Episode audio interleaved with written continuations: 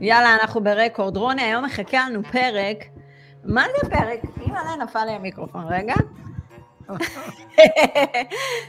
קרס. חדשה, אתה רואה? תסרוק את זה אחרי הצוות. יפה מאוד. אוקיי. אז תראה, יש לנו פרק היום מעניין. אה, אבל לפני שנתחיל את הפרק הזה, מה אנחנו נעשה? מה נעשה? אנחנו נעשה פתיח, ואז נתחיל. יאללה. יאללה.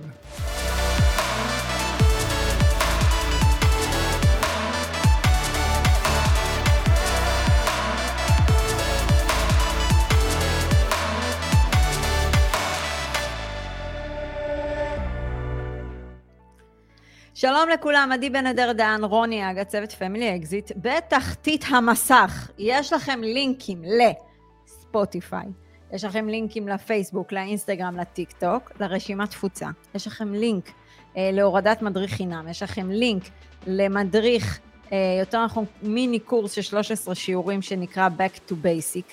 יש לכם לינק לקורס נדל"ן, קורס מימון, אה, שיחת ייעוץ, וזהו בערך. מזל שאין לינק לי ולך.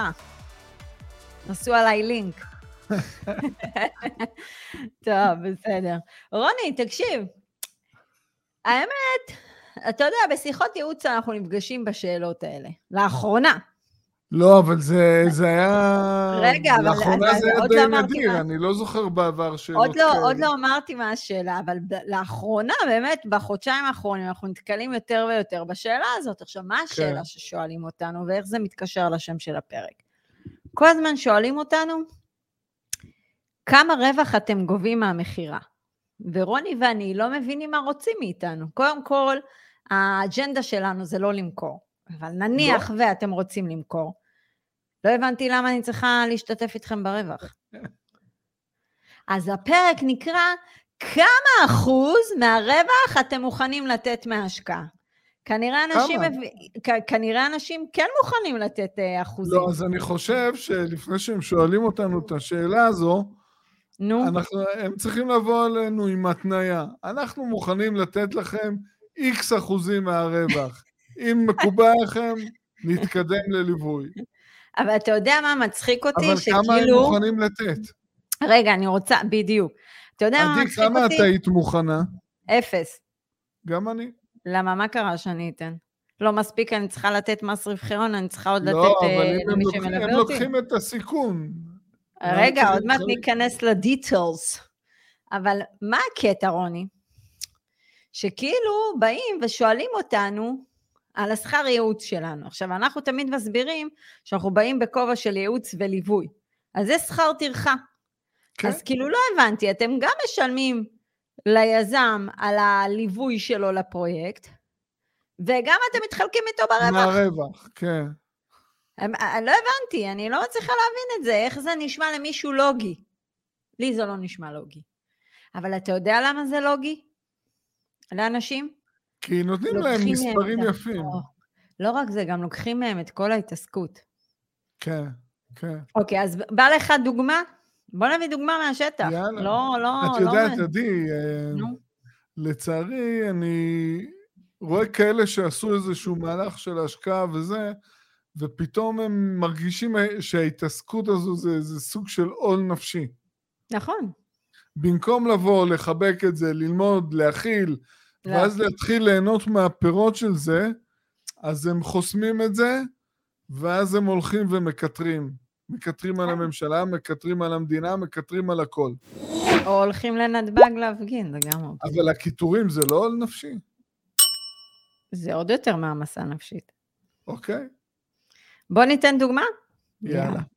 במקרה נפלה לנו דוגמה של אה, מישהו ששלח לנו, והוא כזה בא ואמר, אני לא מבין איפה הבעיה. עכשיו, אנחנו לא. ניסינו להראות את הבעיה, אבל לא נפל האסימון. למה לא נפל האסימון? כי הרווח שהציגו לו על הנייר יותר מדי גבוה. אז בואו בוא ניכנס למספרים. עדי, תכיני את עצמך לבולטים, לא יודעת, פופ-אפים, מה שאת רוצה, תעשי. ככה, נניח יש לי נכס ב-300 אלף דולר. אני שמה הון עצמי של... זה נכס לבנייה. נכס לבנייה, כן, אנחנו מדברים על פרטי. עסקה שנבנית, בית פרטי, אה, אה, 18 חודשי... 18 חודשי בנייה, אה, כאשר אתם מביאים הון עצמי של 30 אחוז ומימון 70 אחוז. אז ההון העצמי, אם אני קונה דירה, בית, סליחה, ב-300 אלף דולר, הוא 90 אלף דולר. זה הון עצמי. עכשיו, המימון שאני לוקחת הוא 210 אלף דולר, זה מימון שהוא מימון יחסית אה, בהלוואת בלון, אוקיי? צריך להחליף אותו מתישהו, והוא בשמונה אחוזי ריבית. אז הגיוני, תסבירי, הלוואה, הלוואת בלון זה אומר שמשלמים אך ורק ריבית, אוקיי. ובמכירה מחזירים את הקרן. נכון. התשלום ריבית שלי פר חודש יוצא 1,400 דולר. עד כאן הכל טוב. עכשיו תקשיבו, אנחנו לא הוספנו פה אה, שכר טרחה של היזם, לא הוספנו פה דמי אה, עלות הקמת משכנתה, לא הוספנו פה עורך דין, כלום, יבש בלי טחינה. אנחנו נחשפנו בארצות הברית לעלויות הקמת משכנתאות, זה בדרך כלל משכנתאות שהן חוץ-בנקאיות, זה היה מינימום 6,000 דולר ומעלה, עוד בתקופות שזה היה נמוך. אמת. אז יאללה, בוא נתחיל. עכשיו, יש לנו 18 חודשי בנייה, והאג'נדה שעומדת מאחורי העסקה הזו, היא בעצם למכור אחרי 18 חודשי בנייה. להוציא למכירה. להוציא למכירה, לא אמרנו עדיין למכור, ברווח של 120 אלף דולר, קרי קניתי ב-300 אלף, מכרתי ב-420. אוקיי? אבל שנייה. זה המחיר שוק להערכתם. אני עכשיו צריכה אה, להתחלק עם היזם 50-50 ברווח. היה ומכרתי. ברווח. אוקיי.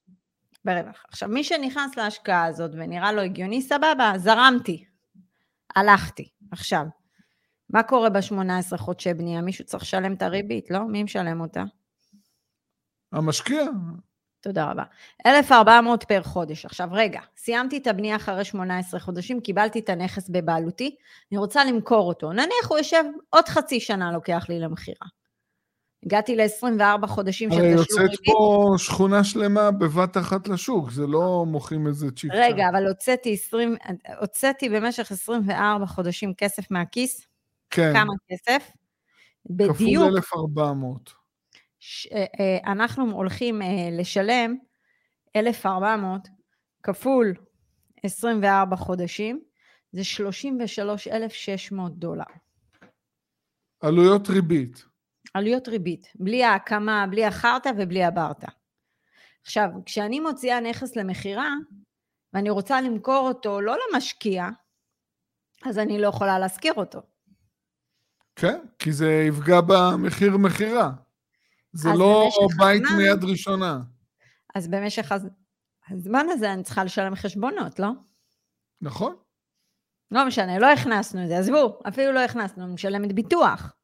לא הכנסנו את כל המסביב. היה ומכרתי אחרי שישה חודשים ב-420 אלף דולר. מה קורה? יש לי פה רווח של 120 אלף דולר, איזה כיף. 60 אלף דולר הבאתי ליזם? 50 אחוז, כן. דמי תיווך שילמתי? 25,200? צריך לדעת שזה 6 אחוזים ממחיר המכירה. ואם יש לי עוד רווח, אני אשלם עוד מס רווחי הון. 25 אחוז. אז כמה נשאר לי? לא נשאר לי כמעט. כי אם יש לי רווח של 60 אלף דולר בסוף על 24 חודשים, אני צריכה להפחית מזה את הדמי תיווך, אוקיי? ומשתנה מאוד חשוב, אני שילמתי במשך שנה, ש, שנתיים 33,600. הרווח ריבית. שלי הוא 1,400 דולר. איזה יופי, שילמו לי חודש אחד של ריבית. אבל על הרווח הזה אני צריכה עוד לשלם מס. מס רווחי הון, 25 אחוז. לא יצא לי לשלם מס, לא יצא לי לשלם מס, כי יש עוד עלויות מסביב. לא משנה. אבל הפואנטה היא, מה נשאר לי באמת? אני במשך שנתיים צריכה להוציא מהכיס שלי קרוב ל-125 אלף שקל. האם זה מתאים לי? ריבית. רגע, ובל נשכח שמדובר בסצנריו אה, אופטימי, במקרה של רווח. אבל מה קורה עם עוד אה, שנתיים שאנחנו נמכור, שנה וחצי בנייה ועד המכירה, הריביות אה, עולים אה, מיתון, לא יודע מה, ואז המחיר יורד. נכון. אז אנחנו מפסידים מהקרן. עוד פעם, תראה, ברגע שהבית עובר לחזקת uh, המשקיע, הוא יכול גם להחליט, אני לא מוכר, אני משכיר. השכירות היא 2,000 דולר הערכה. אבל אין לו תזרים שלילי פה. 1,400 הולך אוטומטית על הריבית. עוד 300-400 סיטי טקס. ארנונה. יש לי, רגע, יש לי ארנונה. ביטוח עוד איזה 150 ביטוח. דולר. ביטוח. יש לי חברת לפעמים, ניהול? טוב, תיקונים אולי פחות, אבל חברת ניהול. חברת ניהול אה, לפחות 200 אה, דולר בחודש, 10 אחוזים. מה נשאר לי? לא נשאר כלום. באסה. טוב, יש לך מה להגיד על האסטרטגיה הזאת? כאילו, אני מצטערת לשמוע שאותו אה, בן אדם, האסימון לא נפל לו, אבל אולי אה, בפרק הקצרצר הזה, חושב, כן אני, אני אגיד לך מה, מה יש לי לומר. אני חושב שזה אסטרטגיה עם uh, פיתיונות. הפיתיון הראשון זה השקעה בנדל"ן בחו"ל, uh, בשיתוף עם uh, יזם מקומי גדול ואיש מקצוע. אז אנחנו הופכים להיות, בלי להתאמץ, שותפים של יזם בחו"ל. לא משנה שבעצם אנחנו מלווים לו כסף, אנחנו לא באמת שותפים, אבל ניחא. אחרי זה, זה השקעה שהיא אסל פרי, כמו שאומרים באנגלית, בלי התעסקות. מי שמתעסק פה זה היזם. Uh, ובסוף, הסוכריה השלישית זה התשואה האדירה על הכסף. בעצם אומרים לכם פה, הון עצמי 100 ומשהו אלף אה, דולר, רווח 120 אלף דולר. אבל כשמקזזים את כל הדברים מסביב, פתאום לא נשאר רווח. אבל אנשים לא יודעים לעשות את החישובים האלה, והם אומרים, רגע, אני מכפיל פה את הכסף. על 120 מקבל 120. פתאום שוכחים שצריך לתת 50% ליזם. ושוכחים את עלות הריבית, ושוכחים את המס רווחי ההון, שוכחים את העלות הקמת משכנתה. גם לא הכנסת פה את העלות של uh, המחוז עצמו, צריך לשלם לא למחוז. לא הכנסתי גם תיווך, לא הכנסתי את כן. העמלה ששילמנו ליזם, לא הכנסתי אה, כלום. אז רואים 120, השקעה, 120 רווח. תוך 18 חודשים. כן, אז וואלה, זה, זה מפתה, זה הסוכריות, מבלי להבין את ההשקעה עצמה. Mm. זה כמו סוכריית ריגליס, שאתה מכניס אותה לפה והיא שחורה, אתה חושב שהיא טעימה, ואז היא ממש לא טעימה? ומה עם ה... באקזיט, אנחנו כל הזמן חשופים לשינוי של השער חליפין. בשכירות החודשית גם חשופים, אבל זה לא בסכום גדול. אז אם קנינו בשער חליפין X, ואנחנו מוכרים בשער חליפין Y, שהשער חליפין uh, ירד, ואז אנחנו ממירים את זה לשקלים, יכול להיות שאנחנו בהפסד. חד משמעית. יש פה תראה, הרבה אני, משתנים. אני אגיד לך מה הכי מפריע לי. כשאני uh, באתי אז להשקיע ממש בתחילת דרכי, ומישהו היה אומר לי, תשתתפי איתי ברווח, זה כבר מדליק לי איזה משהו. עכשיו, זה בשר שהצד השני רוצה. הוא רוצה למקסם את הרווחים שלו. הוא רוצה איכשהו לכבול את אותו בן אדם איתו לטווח ארוך. כן. אוקיי. אבל מצד שני, אתם בבעיה, אתם מוותרים פה על סכום כסף לא קטן. אני לא הייתי מוכנה. אבל הוא שותף ברווחים, הוא לא שותף בסיכון, הוא לא שם לא. פה הון עצמי, המשקיע לא. שם את ההון עצמי ולקח 70 אחוז מימון. אבל את יודעת מה, בוא, בוא נסתכל על זה בדרך אחרת. מה זה נותן? לאן, אה, לאן זה מוביל? מקדם. אותו משקיע, אם הוא סיים את כל המהלך הזה ונשאר בלי רווח, לאן זה קידם אותו? את לא... יודעת מה, וגם אם נגיד, אוקיי, נשאר רווח, עכשיו מה הוא עושה עם זה?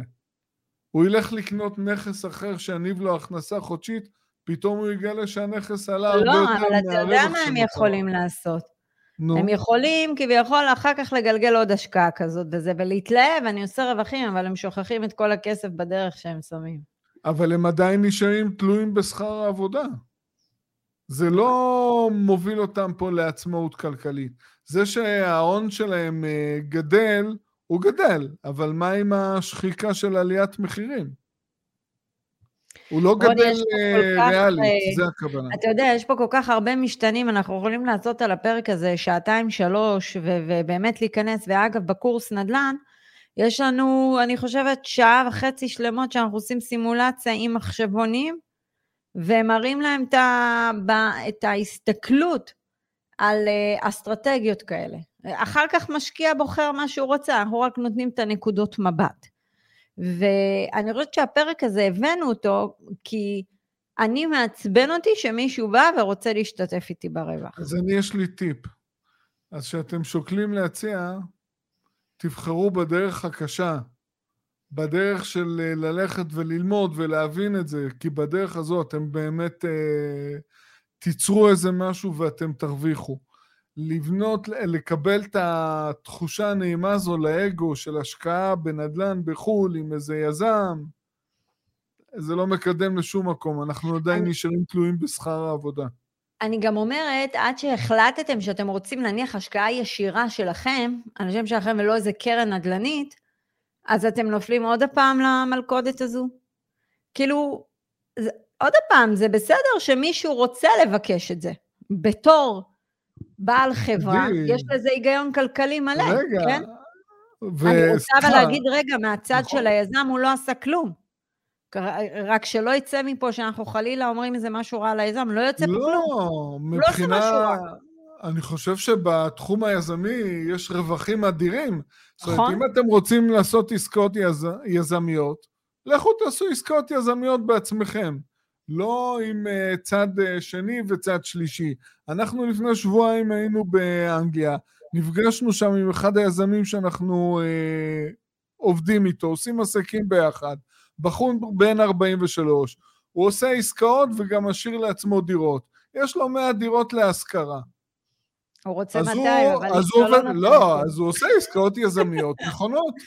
נכון. אם אתם עושים את האקזיט הזה ולא נשאר לכם רווח ובינתיים המחירים עלו ואין לכם הכנסה פסיבית חודשית, לאן זה מקדם אתכם? חד משמעי, משפט סיכום, אמרת אותו. רוני, כן. אנחנו ניפגש בפרק הבא. כמו תמיד.